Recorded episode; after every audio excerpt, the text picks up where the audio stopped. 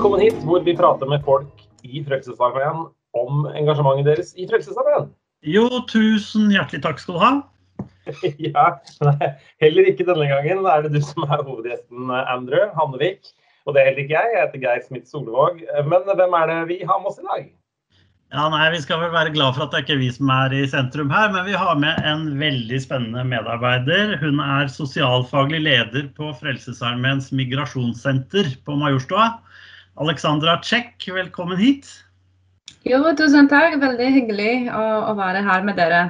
Ja, Det var veldig fint at du ville være sammen med oss. Men, men aller først, hva er Frelsesarmeens migrasjonssenter?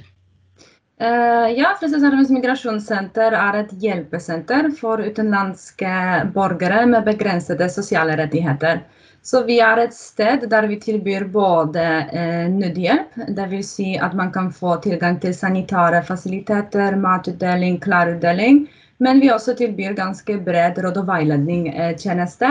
Der vi både realitetsorienterer og veileder i det norske arbeidslivet og hjelper i kontakt med myndigheter. Hvor, hvor, mange er det som er innom hos dere på en sånn typisk uke? Uff, er akkurat nå i koronatiden det er vanskelig å si. Tidligere det kunne ha jo vært opptil 70 personer om dagen. Nå har det gått ned til kanskje 30 som kommer eh, når vi har åpent til, eh, til å dele ut mat og, og dusje. Men vi også får i, i snitt 24 personer som ringer oss daglig for å få råd og veiledning. Og dere ligger jo da i eh, en av Oslos paradegater, Kirkeveien, like ved siden av Frognerparken. Eh, men du Alexandra, du kommer jo da fra et helt annet sted, som vi for så vidt også hører så vidt. Eh, fra den polske landsbygda. Du har en mastergrad i fred, konflikt og utviklingsstudier fra England. Og så for to og et halvt år siden da, så ble du rekruttert som polsktalende miljøterapeut på migrasjonssenteret vårt. Før du da altså steg raskt i gradene nå da til sosialfaglig leder, og du har også vært tidvis fungerende dagligleder. Men uh, kan du ikke fortelle litt hvorfor havna du hos oss i Frelsesarbeid? Ja, det er en veldig, veldig interessant, interessant historie. Jeg egentlig er i Norge pga. kjærlighet, det liker jeg å si. Sånn er det. Forloveden min han er norsk, og, og vi har bestemt oss å, å, bo sammen i Norge. Men så bodde vi sammen i England litt og, og, og dannet oss eh, på masterstudium. Eh, men så da vi bestemte oss å flytte til Norge, har jeg da søkt om jobb eh, i Frelsesarmen. Men Frelsesarmen kjente jeg allerede fra eh, ganske tett samarbeid i England. Jeg jobbet i England med også identifisering av ofre for menneskehandel på oppsøkende patrulje for en organisasjon som bekjempet moderne slaveri. Og der i England så hadde Frelsesarmen som forvalter alle safe houses for ofre. Så da samarbeidet begynte, og jeg var veldig nesten eh, daglig på et hjelpesenter eh, i Bradford drevet av Frelsesarmen. Eh, så da jeg så en annons om miljøterapeutstilling eh, hos Frelsesarmen, så tenkte jeg ja, det, det høres veldig fint ut. Ja, men du, eh, også i løpet av de to og et halvt år, eller snart tre år, tror jeg, du har jobbet, så har du jo gått en, eh, en, god vei fra kanskje ikke å vite så veldig mye om Nav og det sosiale systemet i Norge, til å skulle veilede og lede folk i vanskelige situasjoner gjennom dette, og i et fremmed land og på et annet språk. Og så har du blitt en av eh, våre fremste eksperter som, som, media ringer når de skal vite hva som skjer på samfunnets skyggesider. Nå sist så vi deg jo på forsiden av Klassekampen. Hvordan har det vært å orientere seg i et land som vel er ganske annerledes fra hjemlandet ditt? Ja, takk for alle hyggelige ord. Ja, det, det har vært en ganske bra læringskurs, må jeg si. Man måtte lære seg noe liksom alt veldig fort, men på en måte jeg har gjort det tidligere i England. Så jeg hadde en liten nøkkel. Jeg visste hva slags mønstrene man skal gjøre, hvor skal man gå først, og hvilke dør man skal banke på. Men eh, ja, det ble veldig veldig mye opplæring i praksis. Vi på en måte måtte alle oss på migrasjonssenteret, som er et nytt tiltak, eh, vi måtte lære oss ved siden av det praktiske arbeidet. Eh, men her i Norge er det også slik at man, det er ganske lettere å ringe og få veiledning. Eh, så det, så det, har vi gjort. Og det finnes veldig mange erfarne mennesker rundt omkring i Frelsesarmen som har hjulpet oss å finne veien. Eh, men også når man selv var en vandrer, så man har på en måte vært gjennom en del system eh, og har opplevd det alle som kommer til Norge første gang opplever og går gjennom. Så på en måte man visste litt Eh, men det jeg syns det er jo bare moro å lære om nye ting. Det er veldig fint. ja, det er jo det er litt å sette seg inn i. Men, men du var inne på det at du har, du har, selv kjent på kroppen hvordan det er å være fremmedarbeider og i Norge, og også selv å bli utnytta. Fortell, fortell om det. Ja, det var min første jobb i Norge. Eh, jeg kom egentlig til Norge som en student for, på en studentstipendium i Kristiansand.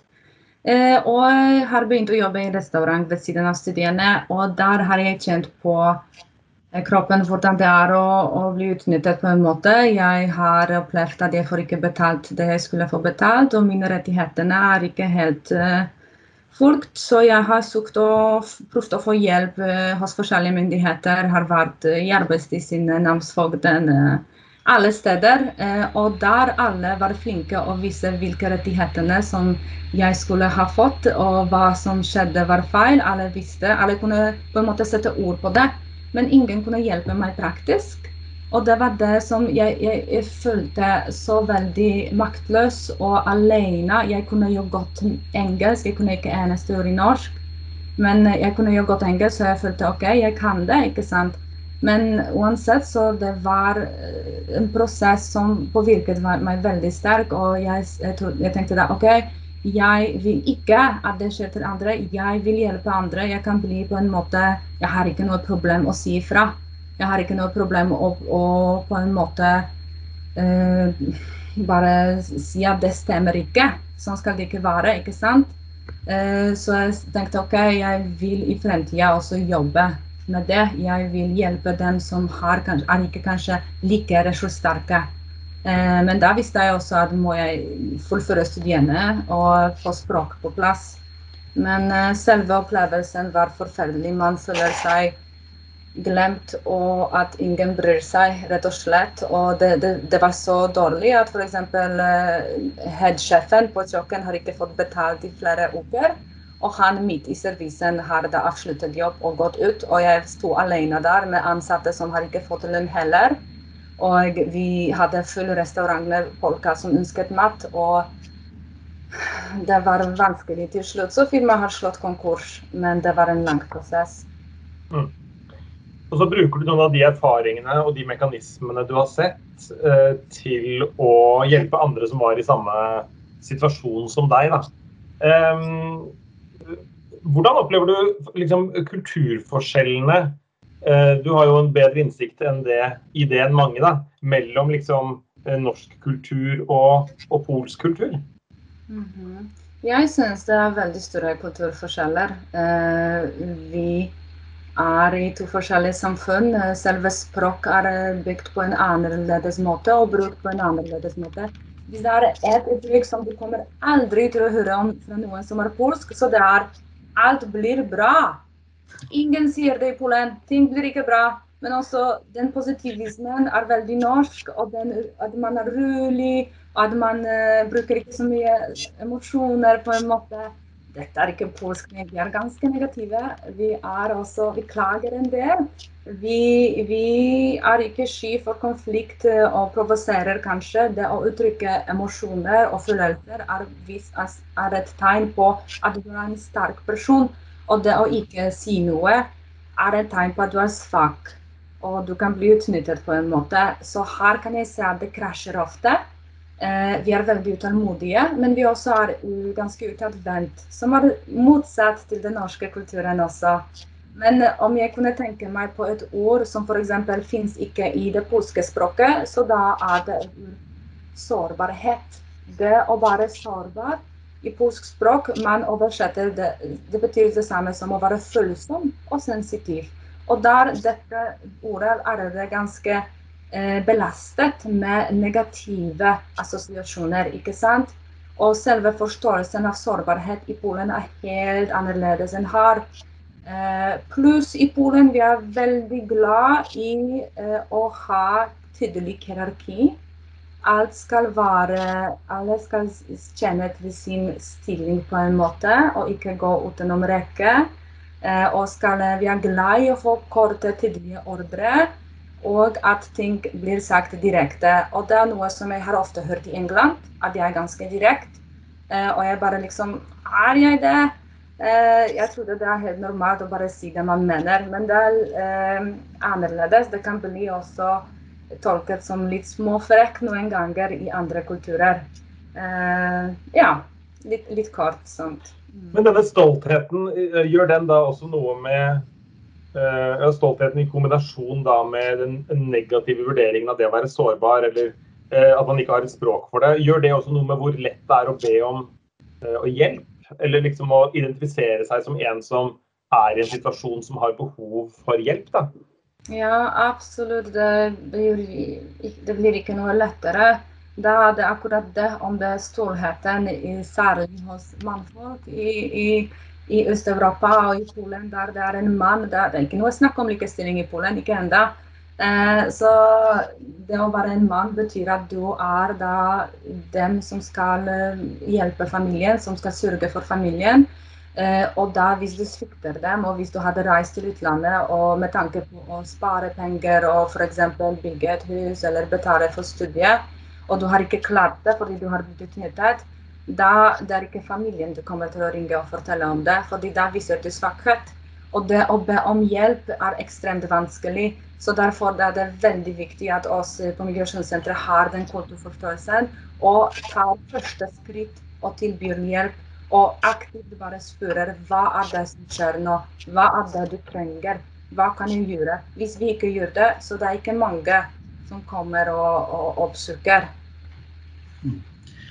Jeg har skjønt at også, også, dette med alkoholbruk og alkoholmisbruk er, er, en utfordring. Og ofte så tenker man jo at en persons eh, misbruk av alkohol fører til konsekvenser på, på, arbeidsplassen. Men du har jo påpekt at problemet ofte ikke er at ansattes alkoholbruk er det som gjør det vanskelig, at de, eller at de faller ut av arbeidslivet, men at, men at, arbeidslivet og arbeidsmiljøet de møter når de kommer til Norge, skaper den alkoholbruken og det, det misbruket.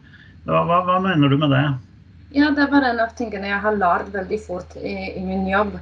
Vi har begynt å organisere selvhjelpsgrupper eh, til både polsk- og russisktalende ved Migrasjonssenteret personer som har opplevd vansker i arbeidslivet i Norge. Og der har vi ofte åpne diskusjoner. Eh, vi lager middag sammen og snakker om det som er problemet. Og oppmuntrer alle til å utveksle erfaringer på en måte for å bygge den mestringsfølelse. ikke sant?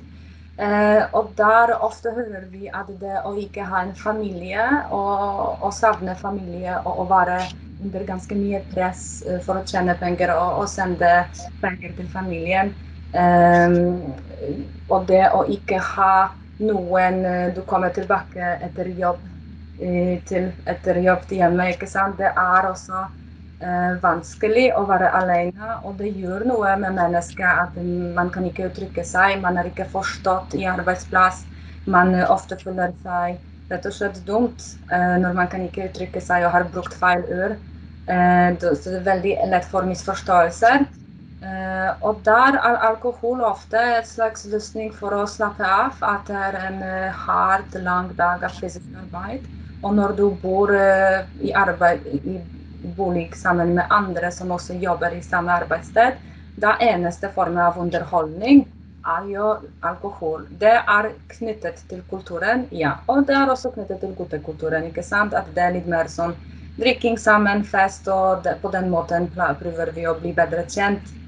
Ehm, men også det er litt av eh, ehm, forskning som sier at å ha lite kontroll over egen arbeidssituasjon fører til eh, sykdommer og uførhet. ikke sant? At du kan bli uført.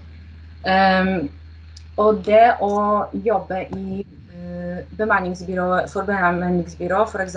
og ikke ha fast arbeid, ikke fast arbeidstid, gjør veldig mye mennesker også. Veldig lite forutsigbarhet i ditt eget liv.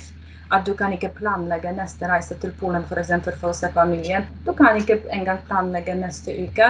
Du får ikke betalt regelmessig.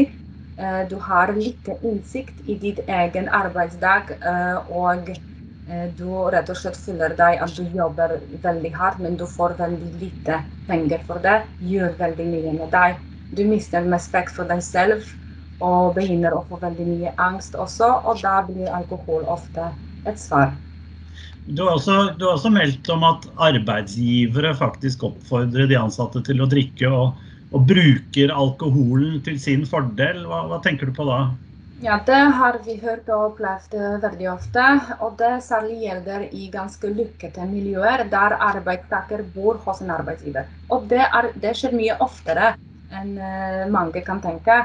At eh, arbeidstaker rett og slett jobber i samme sted eh, og bor Eh, og der ofte er det slik at arbeidsgiver bruker alkohol for å bli bedre kjent med ansatt. ikke sant? Da man åpner og begynner å fortelle ja, jeg har masse gjeld i Polen, og ja, kona mi er syk. Og vi har hørt om historier der arbeidsgiver rett og slett sier ja, skal du ikke jobbe ekstra overtid? Eh, vil du ikke jobbe i helgene? Hva med den gjelden din da i Polen? Hva med din, din syke kone? Har du ikke tre barn i Polen som du må sende penger til? Eller f.eks. For de forteller å ja, men i Polen så hadde du ikke jobb i to år. Her hos meg har du, har du jobb. Nå skylder du meg. Nå skal du jobbe, ikke sant? Du, ikke til, du kan ikke norsk, så jeg husker. Du kommer ikke til å klare deg finne en annen jobb. Det er viktig at du jobber for meg. Og bruker også alkohol for å på en måte dessverre føre til at de er avhengige ikke sant? Og at de føler at de skylder deg, og sjefen har betalt for alkohol. ikke sant? Så det, det kan man spille på, på, på, flere måter. Og vi har også hørt om f.eks. et slags eh, uh, blackmail. Når uh, ansatte kanskje er litt syk og ikke etter å ha drukket, men hovedsakelig sliten av tungt arbeid, så sier arbeidsgiver jo, jo, jeg skal bestride den sykemeldingen, du har jo drukket med meg siste helga. Uh, ja, det, vi har hørt så mange historier. Vi har hatt en person som har mistet fingrene på jobb uh, som følge av en arbeidsulykke som ble aldri rapportert. Og han var ikke berusa på jobb, men arbeidsgiver, uh, det er det arbeidsgiver sa til Arbeidstilsynet også. Det er sterkt inntrykk å høre om disse historiene som dere møter på, i, i møte med, med deres, deres brukere. Eh, heldigvis er det også ganske mange gladhistorier eh, som dere rapporterer om fra, fra Migrasjonssenteret. Og en av dem, artig og interessant og paradoksalt nok, handler om at dere bidro til å få slått et firma som eh, utnytta arbeidstakere konkurs. Og at dere har fulgt ansatte helt fram til nå fast jobb og, og bolig. Hva var det som skjedde?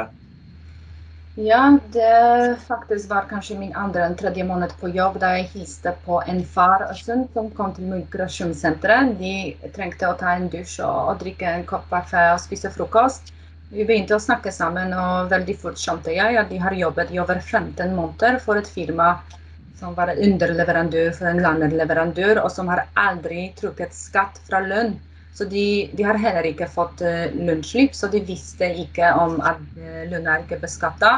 Men da faren dessverre ble sykemeldt, uh, han har fått skade i kneet etter den tunge arbeidet, da plutselig Nav nektet å utbetale sykepengene, og sønnen begynte å krangle med arbeidsgiver. Begge to har mistet jobb. Plutselig hadde de ikke nok råd til å betale husleie, ble kastet ut av leiligheten av namsmannen og måtte overnatte på vinternattprosjektet i Migrasjonssenteret, som eh, er på tempelet på de kulde dagene. Eh, vi har da fått juridisk bistand både til å eh, klage Nav, men Nav bare sa dessverre, de har ikke rettigheter i Norge. De, har, de finnes, ikke i folketrygden, de har ikke betalt skatt. Eh, det var tungt beskjed også. De har jo jobbet veldig mange dager der, veldig mange timer. Eh, så var han syk også. Vi har hjulpet ham å finne en påstående fysioterapeut. Hjulpet å betale litt for fysioterapi. Etter hvert klarte de å Vi har hjulpet å skrive CV og sende CV-er. De klarte å få her, kort oppdrag her og kort oppdrag der. I mellomtiden slått vi firmaet konkurs. Dessverre det, det ble ikke noe stor finansiell fordel av det. Eh, Pga. det var så lite dokumentasjon på inntekter. Eh, noe som vi har, vi har, inkludert også i Der skoen trykker. Det kommer vi til å diskutere senere. Um, det var ingen forsikring uh, betalt heller, så de kunne ikke søke om erstatning. Til slutt, historien er jo litt positivt og litt negativt, men de har jo jobbet. De har fått stilling som malere i et annet firma jobbet der flere over seks måneder, som uh, skapte dem rett til uh, dagpenger etter hvert. Fordi firmaene har slått konkurs. Det var strategisk konkurs, det har vi også informert om. Men igjen var de på trygd. Og, men den gangen hadde de rettighetene, hadde de en bolig uh, og litt mer støtte. så fikk de en jobb til gjennom bemanningsbyrå Dessverre, uh, en dag etter, etter at arbeidsavtalen har utløpt, helt faktisk, har faren falt av stillasjen og brutt foten. Ja, den, den, historien høres helt umulig men den, jeg har faktisk satt med ham i går og fulgt refusjon til uh, Helfo på alle uh, kostnader av behandlingen. Så han falt av stillasjen, han har mye vondt, og så kjører arbeidsgiver ham til skadelegevakta på Storgata, og så sier du du må si I jump, I jump from ladder. Så at han hoppet av laderen, av stigeren, og derfor eh, er han skada. Ikke for å si at han falt av en stillasje som ble feilmontert uten å ha hjelm på. Jeg, så kom de til legevakten. Arbeidsgiveren oversetter mellom engelsk og polsk, han kunne ikke engelsk eller norsk. Eh, og sier til legen jo, han hoppet av eh, stigeren, og så derfor ble foten brutt sånn. Og det var lørdag også, så det var mye, veldig mye som skjedde der.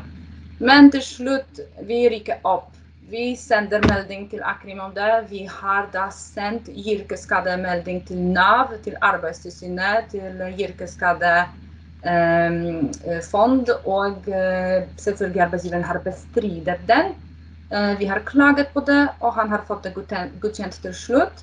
Og nå om en måned blir han friskmeldt. Og sønnen hans, de har hjulpet ham å få jobb, og han begynte på jobb på tirsdag. Og han ringte meg i dag og bare sa Ah, det er fantastisk. Jeg jobber nå. Jeg jobber tolv timer på tirsdag, jeg jobber tolv timer på onsdag, og så jobbet jeg i dag bare seks timer fordi det er fredag, og alle sa at nå må vi gå hjem. Eh, men jeg spurte om jeg kan jobbe på lørdag. For det er jo så mye med disse arbeidsforholdene i Norge som vi jo vanligvis bare tenker at jo, men i Norge har vi disse tingene på stell. Også det du beskriver, eh, er jo et, det er jo et parallellsamfunn. ikke sant? Det, det, er liksom som en sånn en, en, helt annen virkelighet som finnes bare rett bak et sånn slør, da, men som vi bare ikke ser. Ja, det er akkurat det. Det, er et, det, det eksisterer et parallelt samfunn i Norge som er arbeidsinnvandrere, som jobber i bransjer som dessverre nordmenn vil ikke jobbe. De er lavt betalte, usikre arbeidsforhold, veldig lite organisering i arbeidslivet. Det er ikke noe snakk om å organisere seg i en fagforening. Eh, og der eh, er disse, der disse bransjene de vinner eh, anbud og oppdrag veldig ofte fordi de kan tilby mye lavere pris. Og de lavere prisene er jo skapt av bare dårlige arbeidsforhold. Så det alt dette går utover rettighetene til enkelte mennesker. Så for oss den veien fra, også fra arbeidsutnyttelse til hjemløshet er så kort når du er en arbeidsinnvandrer. Du har ikke rettigheter. Du finnes ikke i folkeregisteret veldig ofte.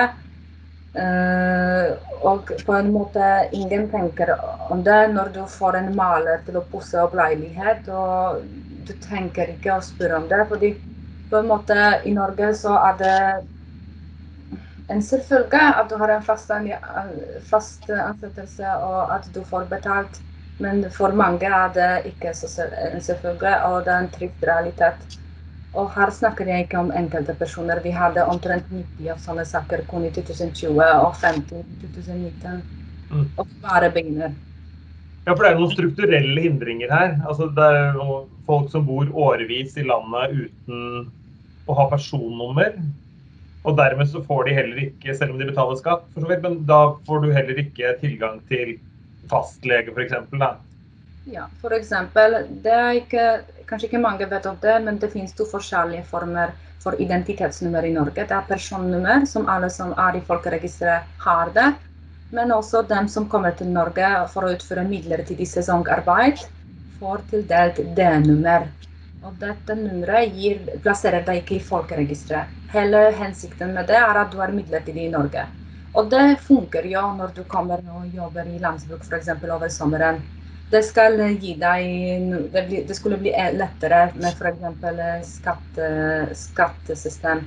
Men uh, for mange som uh, får ikke å bytte fra D-nummer til personnummer, også det vanlige fødselsnummer, Eh, da bor de i mange år i Norge uten å ha rett til fastlege. Eller ikke rett, du kan jo gå til fastlege, men du har ikke frikort. Du kan ikke logge til Helse-Norge. Du har ikke bank-ID. Eh, så må du på en måte oppsøke, legevakta eh, og ringe Helfo 15 ganger for å avklare om du kan få ultralyd, f.eks.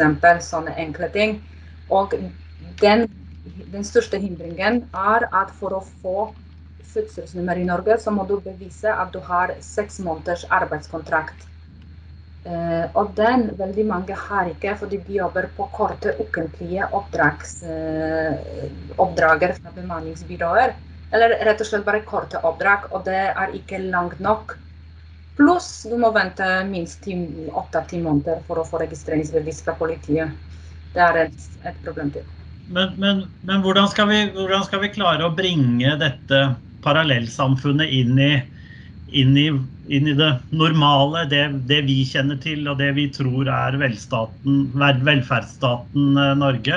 Du nevnte jo der skoen trykker, og, og Frelsesarmeen har jo da levert eh, et skriv til, for den neste stortingsperioden med, med 91 hull i velferdsstaten og 109 tiltak for å være med å fylle dem. Og du har jo vært med å bidra inn i det. Hva, hva ser du som de viktigste eh, tiltakene, de viktigste måtene, det viktigste vi kan gjøre for å, for å på en måte bringe dette parallellsamfunnet inn i vårt felles velferdssamfunn? Ja, absolutt. For det første så det handler om endring i selve holdningen eh, til arbeidskraft det uttrykket 'billig arbeidskraft' allerede er feil, fordi da skaper du et slags inntrykk at folk som kommer til å jobbe her, også arbeidsinnvandrere, de skal få lav lønn. Og at de skal være her midlertidig. Vi må slutte å se på eh, arbeidsinnvandrere som en midlertidig løsning til eh, å, lave, eh, til å redusere kostnader ved store prosjekter, f.eks.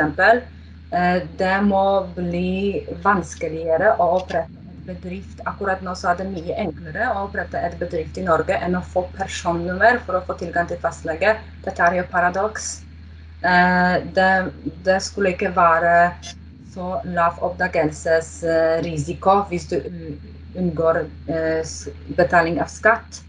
Eh, men mange opplever at det å ikke betale skatt kan man bare fortsette i mange år, fordi dessverre myndighetene klarer ikke å å ha oversikt over omfanget av problematikken. Så vi også foreslår ganske praktiske løsninger. Eh, vi har vært med å skrive vårt svar eh, til det nye eh, forslaget til regelverk om lønnstyveri. Vi har foreslått at lønnstyveri, også når arbeidsgiver stjeler godtgjørelse til en arbeidstaker, det skulle bli lokalisert i rammer av straffeloven, ikke bare arbeidsmiljøloven. Eh, vi også ønsker oss eh, mer ressurser til eh, både politiet og Arbeidstilsynet, men også til kontorer som SOA, Service for utenlandske arbeidstakere. Fordi det er der første møte med norske myndighetene skjer.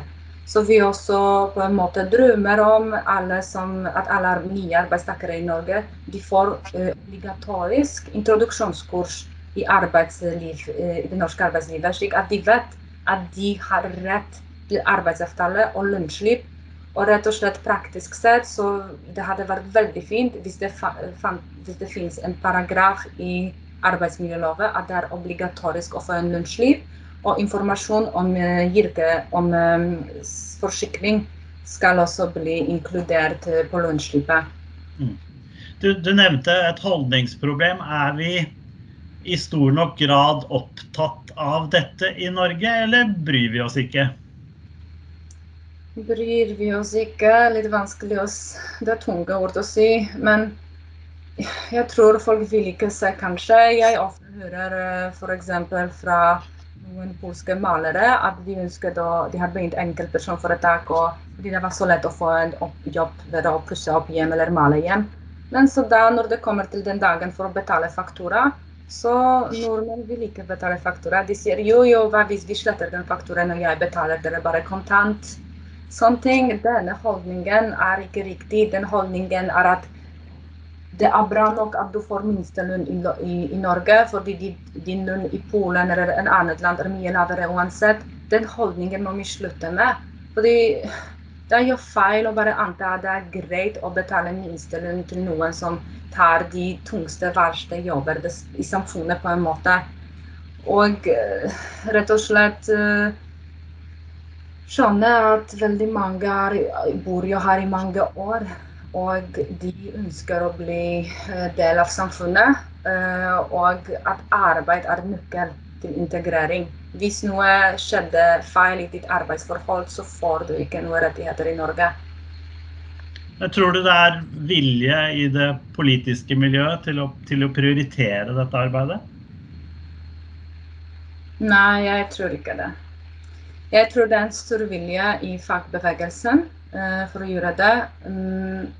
Men det også går sammen i deres kamp mot eh, bemanningsbyråer.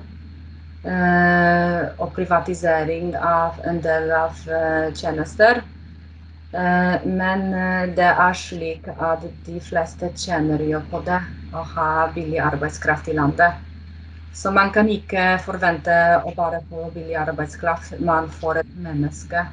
Og eh, for meg er det helt feil at det er så vanskelig for en arbeidsinnvandrer i Norge å få tilgang til helserettigheter, når forskning og statistikk viser at det er eh, fire ganger så høy sjanse for å få yrkesskade eh, for utenlandske arbeidstakere enn for norske.